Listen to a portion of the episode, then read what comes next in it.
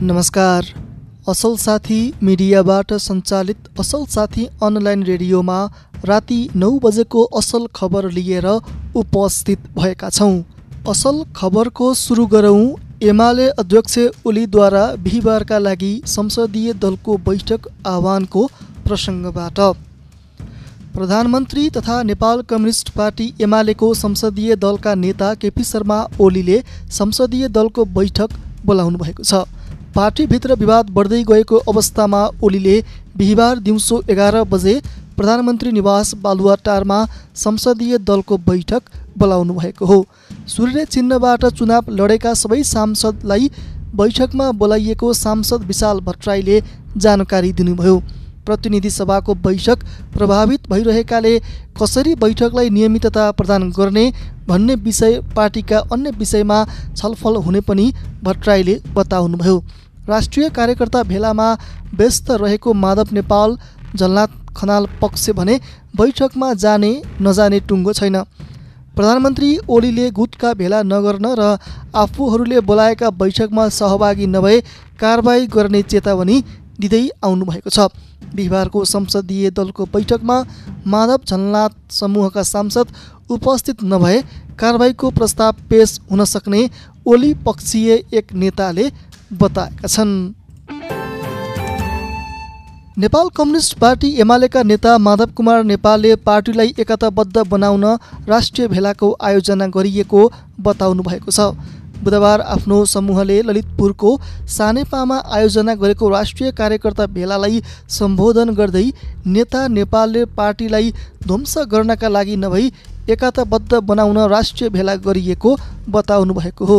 उहाँले कम्युनिस्ट आन्दोलनको रक्षा गरी नयाँ उचाइमा पुर्याउन रचनात्मक उद्देश्यका साथ राष्ट्रिय भेलाको आयोजना गरिएको दावी गर्नुभयो।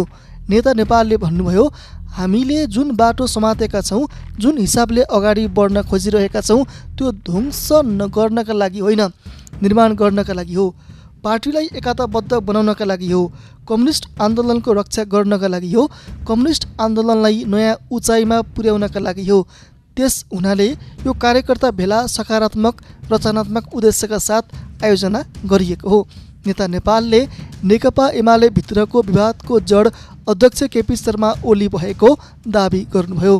केपी ओलीको अहङ्कार व्यक्तिवाद र गुटगत मनोवृत्तिका कारण एमालेमा विवादको सृजना भएको उहाँको भनाइ थियो।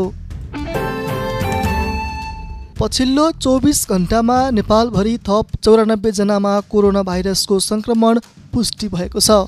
सत्ताइस सय एकासीजनाको पिसिआर परीक्षण गर्दा चौरानब्बेजनामा कोरोना पुष्टि भएको र अहिलेसम्म नेपालमा कोरोना पोजिटिभ हुनेको सङ्ख्या दुई लाख पचहत्तर हजार पाँच सय अठार पुगेको स्वास्थ्य तथा जनसङ्ख्या मन्त्रालयले जनाएको छ। यस्तै थप पचपन्नजना निको भएसँगै अहिलेसम्म सङ्क्रमण मुक्त हुनेको कुल सङ्ख्या दुई लाख एकहत्तर हजार पाँच सय पचास पुगेको पनि मन्त्रालयले जनाएको छ। पछिल्लो चौबिस घन्टामा सङ्क्रमणको कारण कसैको पनि ज्यान गएको छैन। नेपालमा अहिलेसम्म कोरोना सङ्क्रमणको कारण मृत्यु हुनेको सङ्ख्या तिन हजार चौधजना रहेका छन्। यता सरकारले कोरोना भाइरस विरुद्धको खोप अभियान हालका लागि स्थगित गरेको छ। स्वास्थ्य मन्त्रालय अन्तर्गत इन्सिडेन्ट कमान्ड सिस्टमको आइसिएस बैठकले खोप उपलब्ध नहुन्जेलका लागि खोप अभियान स्थगित गर्ने निर्णय गरेको हो। बुधबारदेखि पचपन्न वर्षमाथिका नागरिकलाई खोप दिने कार्यक्रम रहेकोमा खोप उपलब्ध नहुन्जेलका लागि स्थगित गरेको स्वास्थ्य मन्त्रालयका प्रवक्ता डाक्टर जागेश्वर गौतमले जानकारी दिनुभयो। स्वास्थ्य मन्त्रालयको नियमित प्रेस ब्रिफिङमा प्रवक्ता गौतमले खोप उपलब्ध हुनसाथ सूचना दिएर अभियान सुरु गर्ने बताउनुभयो।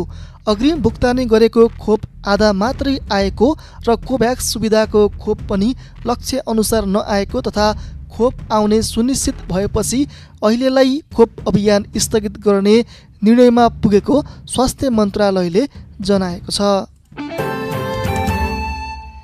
नेपाल पत्रकार महासङ्घको चुनाव यही चैत पच्चिस गते हुने भएको छ।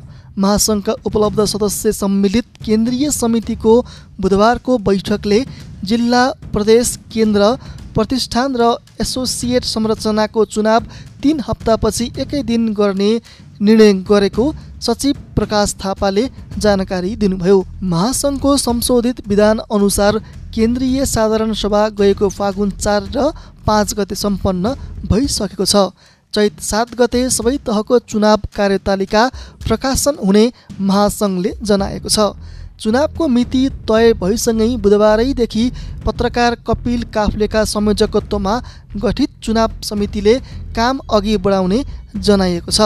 समितिका सदस्यमा अधिवक्ता अरुण पौडेल कपिल चन्द्र पोखरेल कृष्णमाया भूषाल हरेन्द्र राई र देवेन्द्र झा तथा सदस्य सचिवमा भक्तिराम घिमिरे रहेका छन्। महानगरीय प्रहरी परिसर काठमाडौँले काठमाडौँ महानगरपालिका चौध बल्खुकी सन्तोषी श्रेष्ठ सापकोटाको हत्या उनकै श्रीमानले गरेको जनाएको छ। महानगरीय प्रहरी परिसर काठमाडौँले बुधबार पत्रकार सम्मेलन गरी सन्तोषीको हत्या उनका श्रीमान सन्तोषले गरेको जनाएको हो। प्रहरीले हत्यामा संलग्न सन्तोषलाई पनि सार्वजनिक गरेको छ।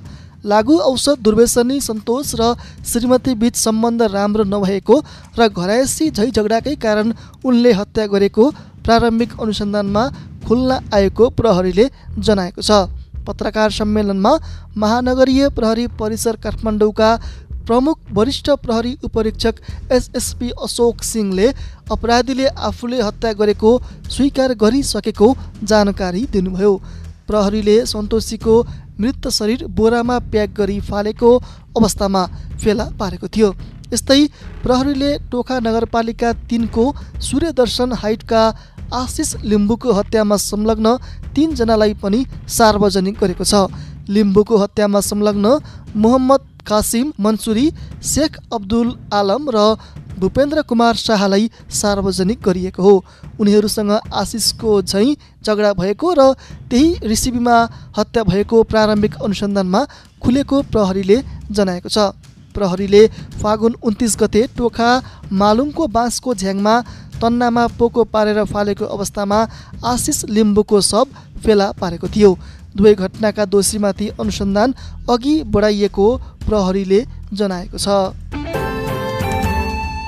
डोटीको गगुडामा भाइरल ज्वरो फैलिएपछि तीन विद्यालय पाँच दिनका लागि बन्द गरिएको छ।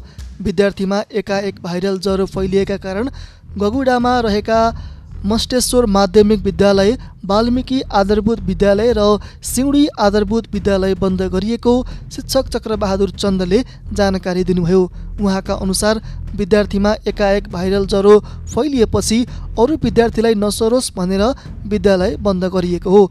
विद्यालयमा विद्यार्थी आउनै नसक्ने र आएका विद्यार्थीमा पनि भाइरल ज्वरोको सङ्क्रमण तीव्र रूपमा फैलिएपछि त्यसको रोकथामका लागि विद्यालय नै बन्द गर्नुपर्ने अवस्था आएको वडा अध्यक्ष वीरेन्द्र चन्दले जानकारी दिनुभयो। विद्यार्थीमा ज्वरो आउने टाउको दुख्ने खान मन नलाग्ने जस्ता समस्या देखिन थालेका छन्। विद्यालयले गाउँपालिकाको शिक्षा शाखालाई जानकारी गराएर विद्यालय बन्द गराएको शिक्षक चन्दले बताउनुभयो। सेयर बजार परिसूचक नेप्से बुधबार चालिस अङ्कले बढेको छ। कारोबार भएका सबै समूहको सेयर बढेपछि नेप्से चालिस दशमलव चार अङ्कले बढेर चौबिस सय बत्तिस दशमलव एक चार बिन्दुमा पुगेको छ। बुधबार ब्याङ्किङ समूहको सेयर उन्नाइस अङ्कले व्यापार समूहको बयालिस होटल तथा पर्यटनको एक सय बाह्र विकास बैङ्कको छब्बिस जलविद्युतको एकतिस फाइनेन्सको तेह्र माइक्रो फाइनेन्सको एक सय तेह्र उत्पादनको अन्ठानब्बे जीवन बिमाको तिन सय बहत्तर निर्जीवन बिमा समूहको दुई सय चौबिस अन्यको सत्तालिस र लगानी समूहको सेयर झन्डै डेढ प्रतिशतले बढेको छ। बुधबार दुई सय बाह्र कम्पनीका छ्यासी लाख छब्बिस हजार किता सेयर तिन अर्ब सैँतिस करोड पैँतालिस लाख रुपैयाँमा कारोबार भएका छन्। सबैभन्दा धेरै निफ्राको बिस करोड रुपैयाँको सेयर कारोबार भयो। बुधबार चन्द्रगिरी हिल्ससहित छवटा कम्पनीको सेयर नौ प्रतिशतभन्दा धेरैले बढेको छ। समग्र बजार बढे पनि घलेम्दी हाइड्रो कम्पनीको सेयर झन्डै नौ प्रतिशतले घटेको छ। असल खबरमा अब खेल प्रसङ्ग। राष्ट्रिय फुटबल टिमका फरवार्ड भरत खवास नेपाल सुपर लिगको फ्रेन्चाइज टिम एफसी चितवनमा मार्की प्लेयरको रूपमा अनुबन्धित भएका छन्। एफसी चितवनका तर्फबाट सञ्जित ढकालले बुधबार मार्की प्लेयर भरत र प्रशिक्षक मेघराज केसीसँग सम्झौता पत्रमा हस्ताक्षर गरेका छन्। यसअघि नै धनगढी फुटबल क्लबले विशाल राई र ललितपुरले अञ्जन विष्टलाई मार्की प्लेयरको रूपमा अनुबन्ध गरिसकेका छन्। नेपाल स्पोर्ट्स एन्ड इभेन्ट म्यानेजमेन्टले पहिलो पटक आयोजना गर्न लागेको नेपाल प्रिमियर लिगमा सात फ्रेन्चाइज टिमको सहभागिता रहनेछ। Biratnagar city football club Kathmandu Rangers football club Lalitpur city football club FC Chitwan Pokhara Thunders Butwal Lumbini FC र धनगढी एफसी लिग खेल्नेछन्। त्रिपुरेश्वर स्थित दशरथ रङ्गशालामा दुई हजार अठहत्तर वैशाख एघार गतेदेखि पच्चिस गतेसम्म हुने प्रतियोगिता राउन्ड रोबिनको आधारमा हुनेछ। सुमिना खड्का आइबा युथ वर्ल्ड बक्सिङ च्याम्पियनसिपका लागि साठी केजी तौल समूहमा छनौट भएकी छन्। आरडिएस क्लबकी सुमिनाले बक्समान्डोकी डेचेन शेर्पालाई निर्धारित तिन राउन्डको खेलमा अङ्कका आधारमा चार एकले हराउँदै छनौटमा परिन्। नेपाल बक्सिङ सङ्घले आयोजना गरेको छनौट प्रतियोगिताको अडचालिस केजी तौल समूहमा नक्सालकी सुषमा तामाङ मङ्गलबार नै झापाकी सुस्मिता राईलाई अङ्कका आधारमा तिन दुईको स्कोरमा हराउँदै छनौट भएकी थिइन्।